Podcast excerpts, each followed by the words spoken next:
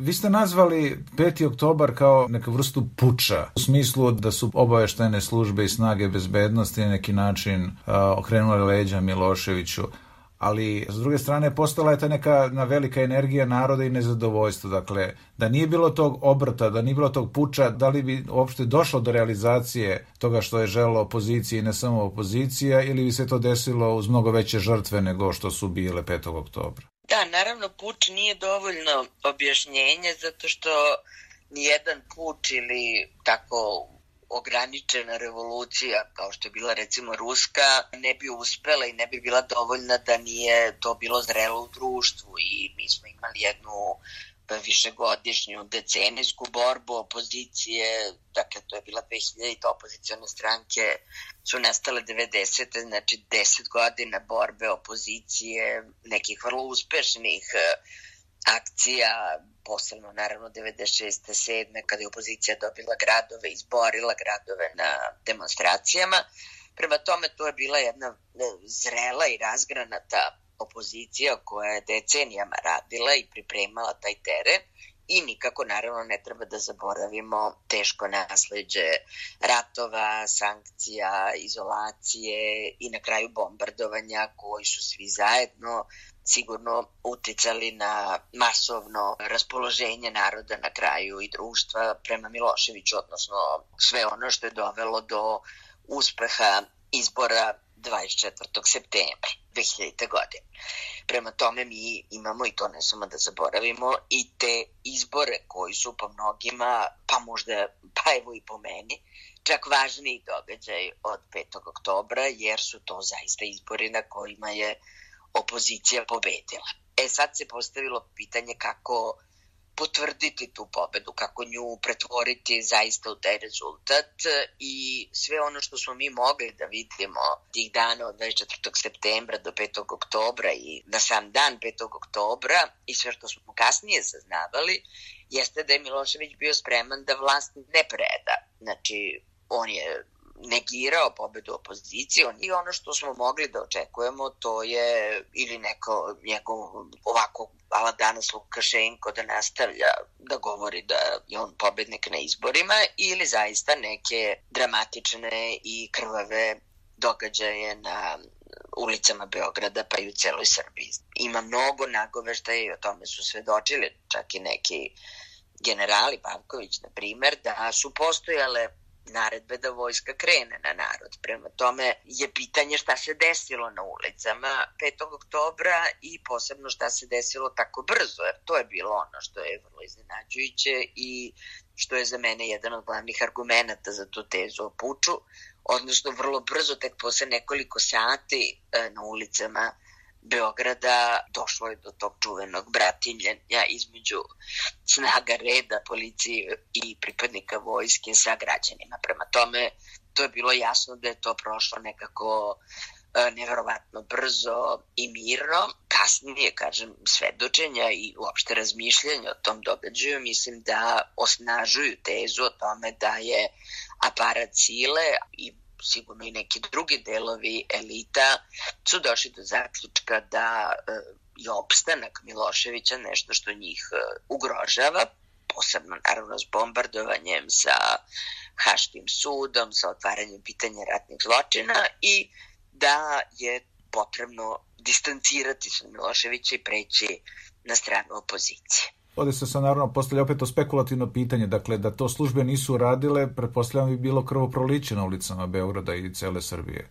I pitanje da li bi opozicija bila u stanju da kapitalizuje to što je ostvarala na izborima 24. septembra.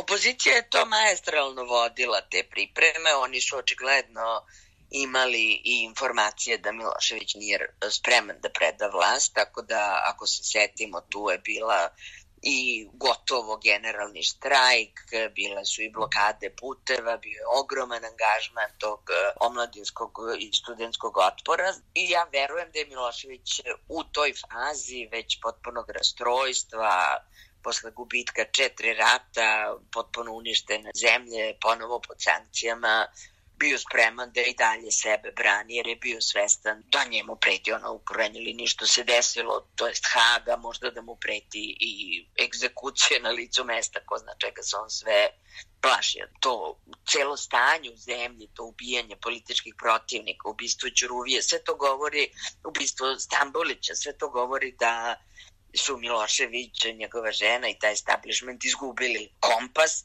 i da su bili spremni zaista po cenu života, vidimo i mnogih života koji su izgubljeni i uzeti da brane pre svega sebe. Vi ste rekli možda malo u žargonu da zapravo često se govorilo E, da je jedan od problema za sve što se kasnije dešavalo, odnosno ograničenih reformi i kasnije povratka, da kažem, suštinski Milošević i snaga, o tome ćemo nešto kasnije iz 90-ih na vlast 2012 da je zapravo ključna greška opozicije što nije bilo 6. oktobra kao sinonima za suštinske, duboke e, promene i personalne i, da kažem, ove političke i ekonomske, a vi ste zapravo rekli da nije bilo ni 5. oktobra to sam rekla da nije bilo 5. oktobra u tom smislu da e, se ta pobeda naroda po mom mišljenju nije desila. Dakle, da se desio taj puč, odnosno pobeda tih bezbednostnih e, struja koje snaga, koje su se dogovorile sa delovima opozicije i očigledno je bilo posle toga, a vidimo i sve do dana današnjeg, da je tu e, neka vrsta dogovora napravljena da će te bezbednostne snage preći na stranu opozicije, ali da opozicija njih e, posle neće više dovoditi u pitanje, odnosno ono što se zvalo pitanje kontinuiteta. To je bila koštunicina politika odmah, već na dan 5. oktobra, pa onda i sve nadalje, odnosno da e, ne sme doći do diskontinuiteta, do prekidanja e, sa svim e, prethodnim elitama, ne sme doći do lustracije, ne sme doći do uklanjanja svih onih kadrova koji su 90-ih učestvovali u uništavanju i Srbije i svega oko Srbije.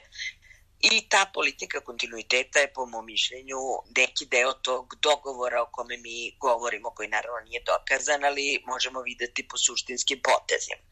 I upravo je pitanje kontinuiteta i diskontinuiteta bilo ono što je dovelo vrlo brzo u sukob Koštunicu i Đinđića, odnosno e, taj nivo predsedničke vlasti SRJ gde, gde, gde se nalazi Koštunica i vlade Srbije na čijem čelu je bio Zoran Đinđić. I videli smo da je takođe vrlo brzo posle tog eskaliranja tog sukoba u javnosti došlo do tog takozvanog štrajka specijalnih jedinica kad su oni zatvorili jedan od najvažnijih beogradskih mostova, Gazelu, što je Koštunica naravno bio opravdao, a što je dovelo prisililo, odnosno Đinđića, na neke vrlo dramatične i pokazalo se po njega fatalne promene u tom aparatu bezbednosti. Prema tome, mislim da su svi ti događaji posle, a na prvom mestu ta blokada Gazela od strane specijalnih jedinica predvođenih Zvezdanom Jovanovićem, kasnijim atentatorom na Đinđića, u stvari pokazatelji e, da se nije desio 5. oktober, odnosno da su te e, snage bezbednosti, pa i svi oni koji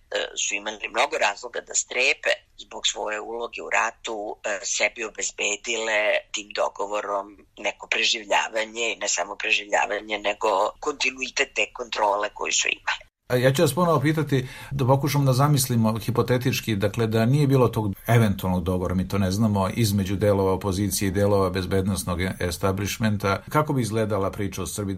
Pa ja verujem da bi do krvoprolića došlo zbog svega ovog što sam rekla, odnosno da je Milošević bio spreman po cenu svih naših života da brani sobstvenu vlast. Znači ja verujem da bi tu došlo do neke vrste ograničenog ili šireg građanskih sukoba, pa možda čak i građanskog rata, to takođe nije bilo isključeno u toj situaciji. E sad, u tom smislu bismo mogli da kažemo da je bilo vrlo mudro napraviti neku vrstu prethodnog dogovora i obezbediti ovu ipak mirnu i tako reći slavljeničku tranziciju koja se desila 5. oktobra, ali je pitanje, e, ono što mi danas znamo, to je da je taj aparat ostao i na kraju došao glave Zoranu Đinđiću i na taj način dodatno učvrstio svoju moć, mislim, do dana današnjeg sva iskustva građanskih ratova su naravno najtragičnija iskustva.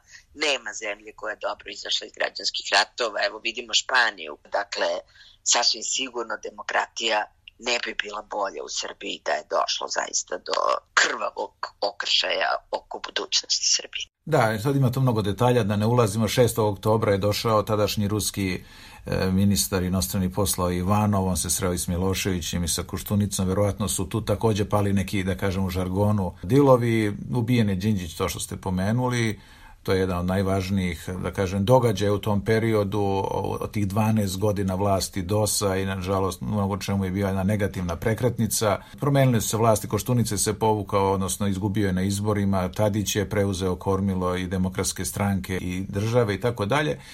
I suma sumarum, 2012. godine na izborima dolazi na vlast e, Srpska napredna stranka u koaliciji sa socijalistima koji su prethodno bili sa demokratama. Tomislav Nikolić postaje predsednik. Iz ove perspektive gledano, komentarisat ćemo naravno i njihovu vladavinu, ali šta je po vama bilo ključno da se suštinski Miloševićeve snage vrate na vlast? Da li su upravo o čemu ste govorili, dakle, taj uticaj tih veoma moćnih sila koje vuku konci iz senke, misle na bezbednostne službe i opšte ostaci tog starog aparata. Da li je to bilo ključno? Da li je bilo ključno to što bile su velike kritike, ja se sećam i vaših izjava iz tog perioda, recimo 2010. 11 ne baš uvek demokratskih poteza tadašnjih vlasti, korupcije za koju je tadašnja vlast bila optuživana.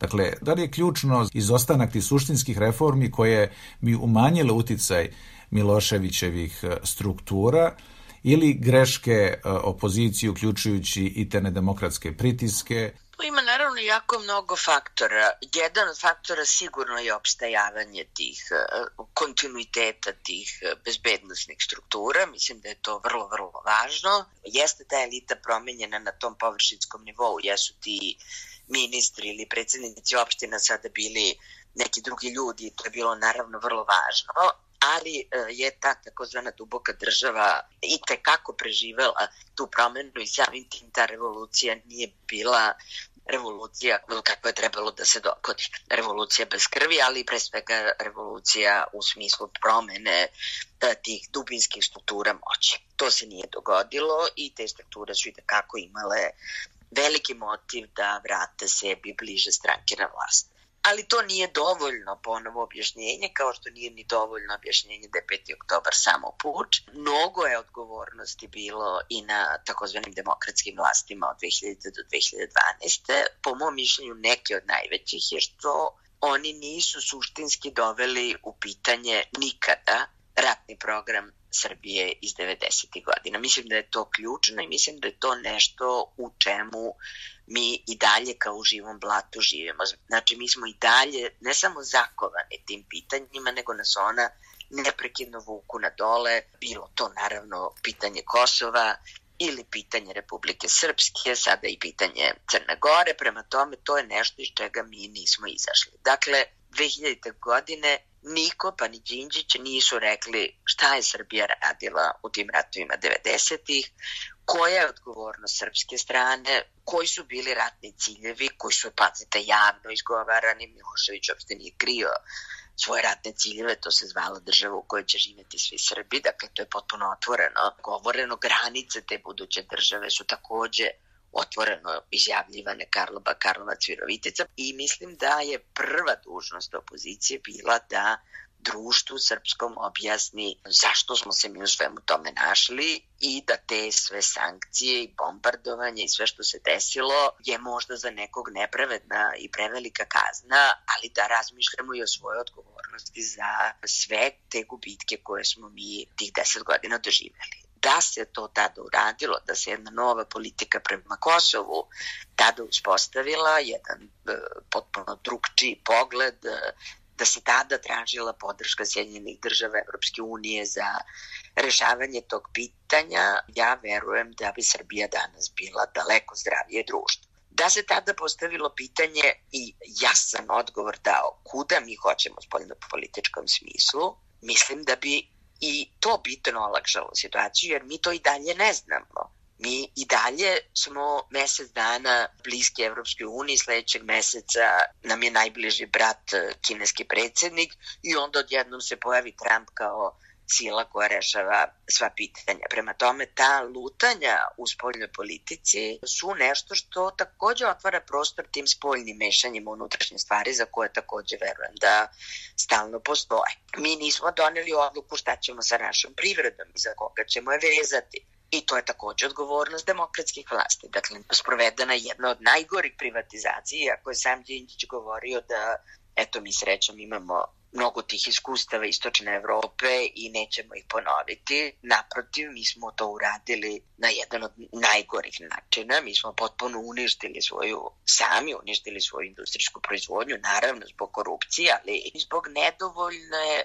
jasne vizije šta hoćemo uopšte i kojim putem mi to hoćemo. Na kraju smo mi na, opet i u tu nekom bespuću sa vrlo problematičnim uh, kineskim kreditima, sa nejasnim investicijama, netransparentnim ugovorima oko najvažnijih stvari kao što su NIS ili Air Srbija. Prema tome, to su sve posledice nejasnih, korumpiranih, ali i slabih odluka donošenih od 2000. godine. Međutim, ima teza zapravo da kada je došlo do 5. oktobra u, u tom širokom frontu su se našli i istinski proevropski i liberalno orijentisani građani, ali i nezadovoljni nacionalisti koji su smatrali da je Milošević na neki način izdao srpski nacionalni program, Pa se onda postavlja se pitanje da li bi se demokratska opozicija, makar onaj deo koji je predvodio Đinđić, našli još većem problemu i nerazumevanju u odnosu javnosti ako bi otvorili to što je za nju veoma osetljivo pitanje, dakle ratnih zločina, tog osjećaja viktimizacije, zapravo su Srbi najveće žrtve tog rata, a ne najodgovorniji za rat i tako dalje i tako dalje. Da, naravno, to je ključno pitanje i verovatno, očigledno je Đinđićeva procena bila da nije trenutak da se ta pitanja otvaraju, ali e, se tu vrlo brzo pojavio Haški sud, odnosno već je tu bio 90. godina kad su podignute optužnice protiv Miloševića, kasnije Karadžića i Mladića, tako da ja sam uvek tada imala utisak, možda pogrešan, ali sam imala utisak da je u tom trenutku neke političke kartarze te 2000. godine društvo možda bilo najspremnije da čuje to što je trebalo da čuje i najsvesnije e, dubine tog ponora u kome smo se našli posebno posle bombardovanja. To je bio neki moj utisak i na osnovu svega onoga što se moglo u javnosti reći, što je bilo mnogo više nego što možete danas.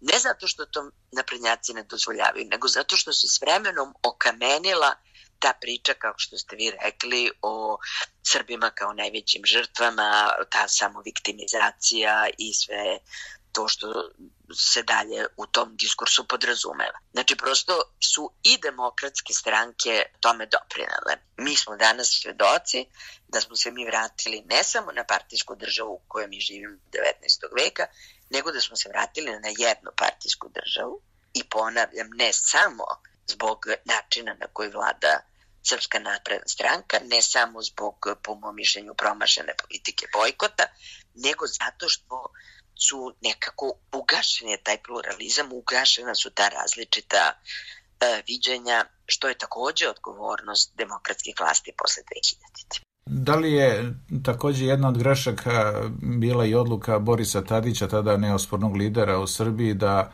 prvo sa socijalistima pravi koaliciju, tada je rečeno da treba um, konačno doći do tog istorijskog pomirenja između demokratske stranke koja oličava određen sistem vrednosti i socijalističke partije. I istovremeno kasnije nešto odluka Tadić je na neki način to indirektno potvrdio kada je kazao da je učestvo u upravljanju Srpske napredne stranke u cilju otupljivanja oštrice srpskih radikala kako ne bi ta politička scena u Srbiji bila toliko nestabilna i toliko konfrontirajuća. Sad naravno možda pripisujemo preveliki značaj jednom čoveku, pa bio on i Boris Tadić, ali mislite li da su to bile taktičke i da kažem i strateške greške? Tadić je prosto hteo da sebi obezbedi vlast i to su mu obezbedili socijalisti jer je on dosta lošije prošao na tim izborima, tako da je na taj način sebi obezbedio tu stabilnu većinu. Ja sam naravno tada bila izrazito protiv toga i videli smo da je to u stvari bila samo prilika koju je vešto iskoristio Ivica Dačić za dalje jačanje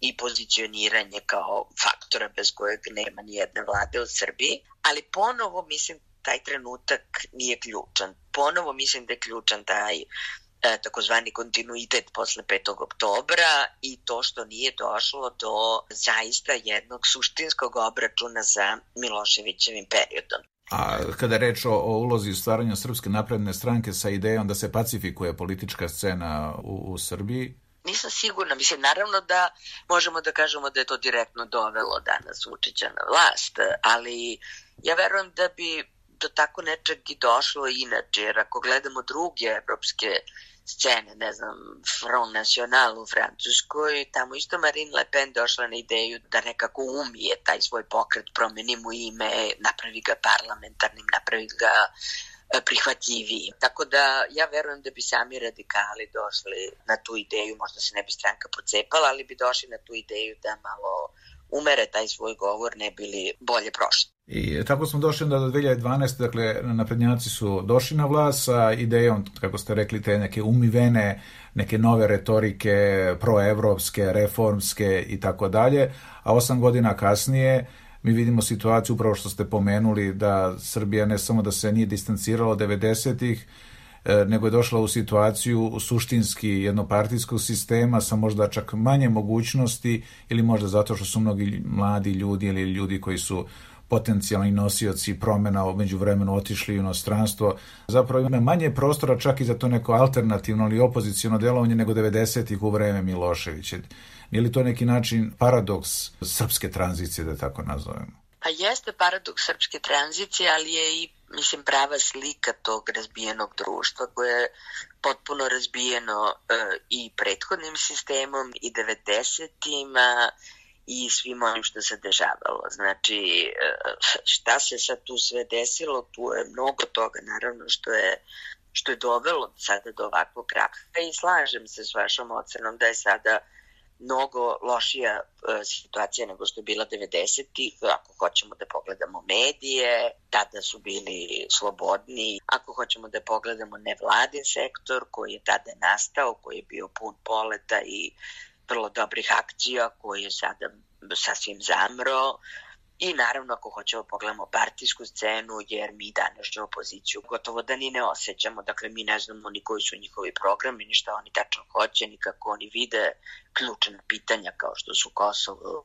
Evropa, Rusija, dalja privredni razvoj. Naravno da je SNS progutao i državu i društvo. Naravno da je to neka vrsta hobotnice, ta populistička vlast koja je potpuno uništila institucije u nas bez skupštine i vlade već mesecima i, i ništa se to ne osjeća jer je to vlast jednog čoveka. Međutim, ono što je za mene naravno glavno pitanje to je kako je to srpsko društvo dozvolilo, zašto nije pružilo veći otpor, zašto je odmah zavladao taj čuveni strah, e, zašto se niko nije borio za te slobode tobože osvojene 5. oktobra, eto i odatle moj strah da ni 5. oktobra niko zaista nije tražio stvarnu slobodu, već promenu vlasti koja prosto više je postala suviše opterećujuća i suviše opasna za sve. Uz taj strah svakako ide i apatija na osjećanje da čovjek u suštini ništa ne može da promeni, razočarenje u politiku i političare u celini, ali sada je Srbija došla u situaciju da je nemoguće promeniti vlast na regularnim izborima kao u ostalom i 2000. godine. Znači li to da je e, Srbiji opet potreban, da kažem figurativno, neki 5. oktobar i da li je moguće uopšte u Srbiji neki novi 5. oktobar? Situacija je stvarno izuzetno teška. Znači mi smo ne na nuli nego ispod nule. Mi nemamo sada odlukom opozicije ni jedan procenat ni u jednoj opštini, nema poverenja ni u jednoj od političkih stranaka koliko vidim, a pritom ipak verujem da je veliko političko nezadovoljstvo, ekonomsko nezadovoljstvo, ide sad ekonomska kriza, korona e, se ne smiruje, međutim mi teško dolazimo do artikulacije tog nezadovoljstva. Da li će ta promena biti na nekim izborima po nekom crnogorskom modelu ili će se opet prizivati neki 5. oktobar ako i on uopšte moguć? Ja se naravno bavim srpskom istorijom i tim tragičnim kontinuitetom tih e, revolucionarno-pučističkih preokreta i evo prosto da pomenem još jednom da od Karadžorđa do Zorana Đinđića sa jedinim izuzetkom Josipa Broza Tita svi su srpski vladari bili nasilno ili uklonjeni ili fizički ili prosto ubijeni. Prema tome e, to je naš tužni kontinuitet za koji su odgovorni i vlast i opozicija, naravno vlast uvek više, ali i opozicija koja ne radi ništa da se bori za te institucije i da pokuša na miran način da dovede do promene. po mom mišljenju, to je bila fatalna greška ovog bojkota, jer Vučić ima apsolutnu vlast, on priprema predsedničke izbore koje naravno mora dobiti sa, što bi rekao Milošević, 104%. E, prema tome, sama opozicija gura takođe Srbiju u taj neki e, fizički obračun koji je M uvek naravno katastrofalan e, sa velikim rizikom od ljudskih žrtava i koji, što je takođe izuzetno važno, nikako ne garantuje kasniju demokratsku tranziciju, što smo videli s 5. oktobrom. Znači, mi ćemo ponovo imati neke prvoborce, ponovo ćemo imati neke spasioce, ponovo ćemo imati neke koji su nam tako volšebno poklonili tu slobodu u nečem što su nazvali revolucijom i ponovo ćemo imati jednu vrlo netransparentnu situaciju koja ponovo može dati apsolutnu vlast tim oslobodiocima i pobednicima. Mislite li da je realnija opcija da će biti neke promene na nekim, da kažem, kakim takvim regularnim izborima ili opet nekim, da kažem, varenim situacijama nekoga, da kažemo, 5. oktobra Ja bih volela da to bude na izborima i nisam mislila da je to nemoguće, jer se pokazalo recimo i u Turskoj i u Mađarskoj da je to moguće i da se mogu dobiti gradovi čak u mnogo težim situacijama nego što je u Srbiji. Sigurno su u Turskoj loše izborni uslovi nego u Srbiji, pa je opozicija jednom mudrom politikom dobila i Istanbul i Ankara. Sada, posle ovog bojkota, to postaje teže prosto se plašim da je tu realni neki izliv besa građana, kakav smo recimo videli u julu na ulicama, dakle odjednom zbog neke mere vlasti, u ovom slučaju vraćanja policijskog sata, odjednom su građani zaista eksplodirali i istrčali na ulice. To su opasne situacije. I sasvim na kraju, da nekako situaciju stavimo u jedan širi kontekst. E, za razliku od 90. kada je Srbija bila, da, tako da kažemo, parija ili crna rupa na svetskoj geostrateškoj i političkoj mapi, kada je pao Berlinski zid sa velikim entuzijazmom za reformama u postsocijalističkom svetu. Dakle, mi smo svedoci sada tih iliberalnih, odnosno neliberalnih trendova, populističkih i kako god da i sve nazovemo I to je nešto što ide u prilog sadašnjim vlastima koje se vešto uklapaju u taj trend, a čini se kada je reč o običnim građanima da su oni ili razočarani ili ne veruju ne u ideju slobode, nego ne veruju u mogućnost njenog ostvarenja. Pa da, situacija u svetu ne ide na ruku demokratije u Srbiji, to je očigledno. Videli smo sad šta to znači kad se, eto, odjednom greneli, Trump umešali, doveli Srbiju jednu nezgodnu diplomatsku situaciju prema čitavom nizu faktora u svetu. Mnogo će zavisiti naravno od američkih izbora, ali nije naravno Amerika jedina. Imamo Evropu u dubokoj krizi, imamo Putina, imamo Xi Jinpinga sa vrlo agresivnom nacionalnom politikom, imamo Erdogana, imamo čitav niz e, kriznih područja koja pojačavaju ove autokratske režime. Stiže nam ekonomska kriza zbog korone koja će dodatno pojačati autokratske režime I svet je stvarno na jednoj prekretnici, do sad smo uglavnom mi bili na prekretnici, a sad se naša prekretnica pogodila sa svetskom. Nažalost, prethodne istorijska iskustva nisu bila dobra i pokazala su da su trenuci velike kriza, trenuci upravo jačanja e, autoritarnih i totalitarnih poredaka. U tom smislu bi se Srbija dobro uklopila u svetski trend.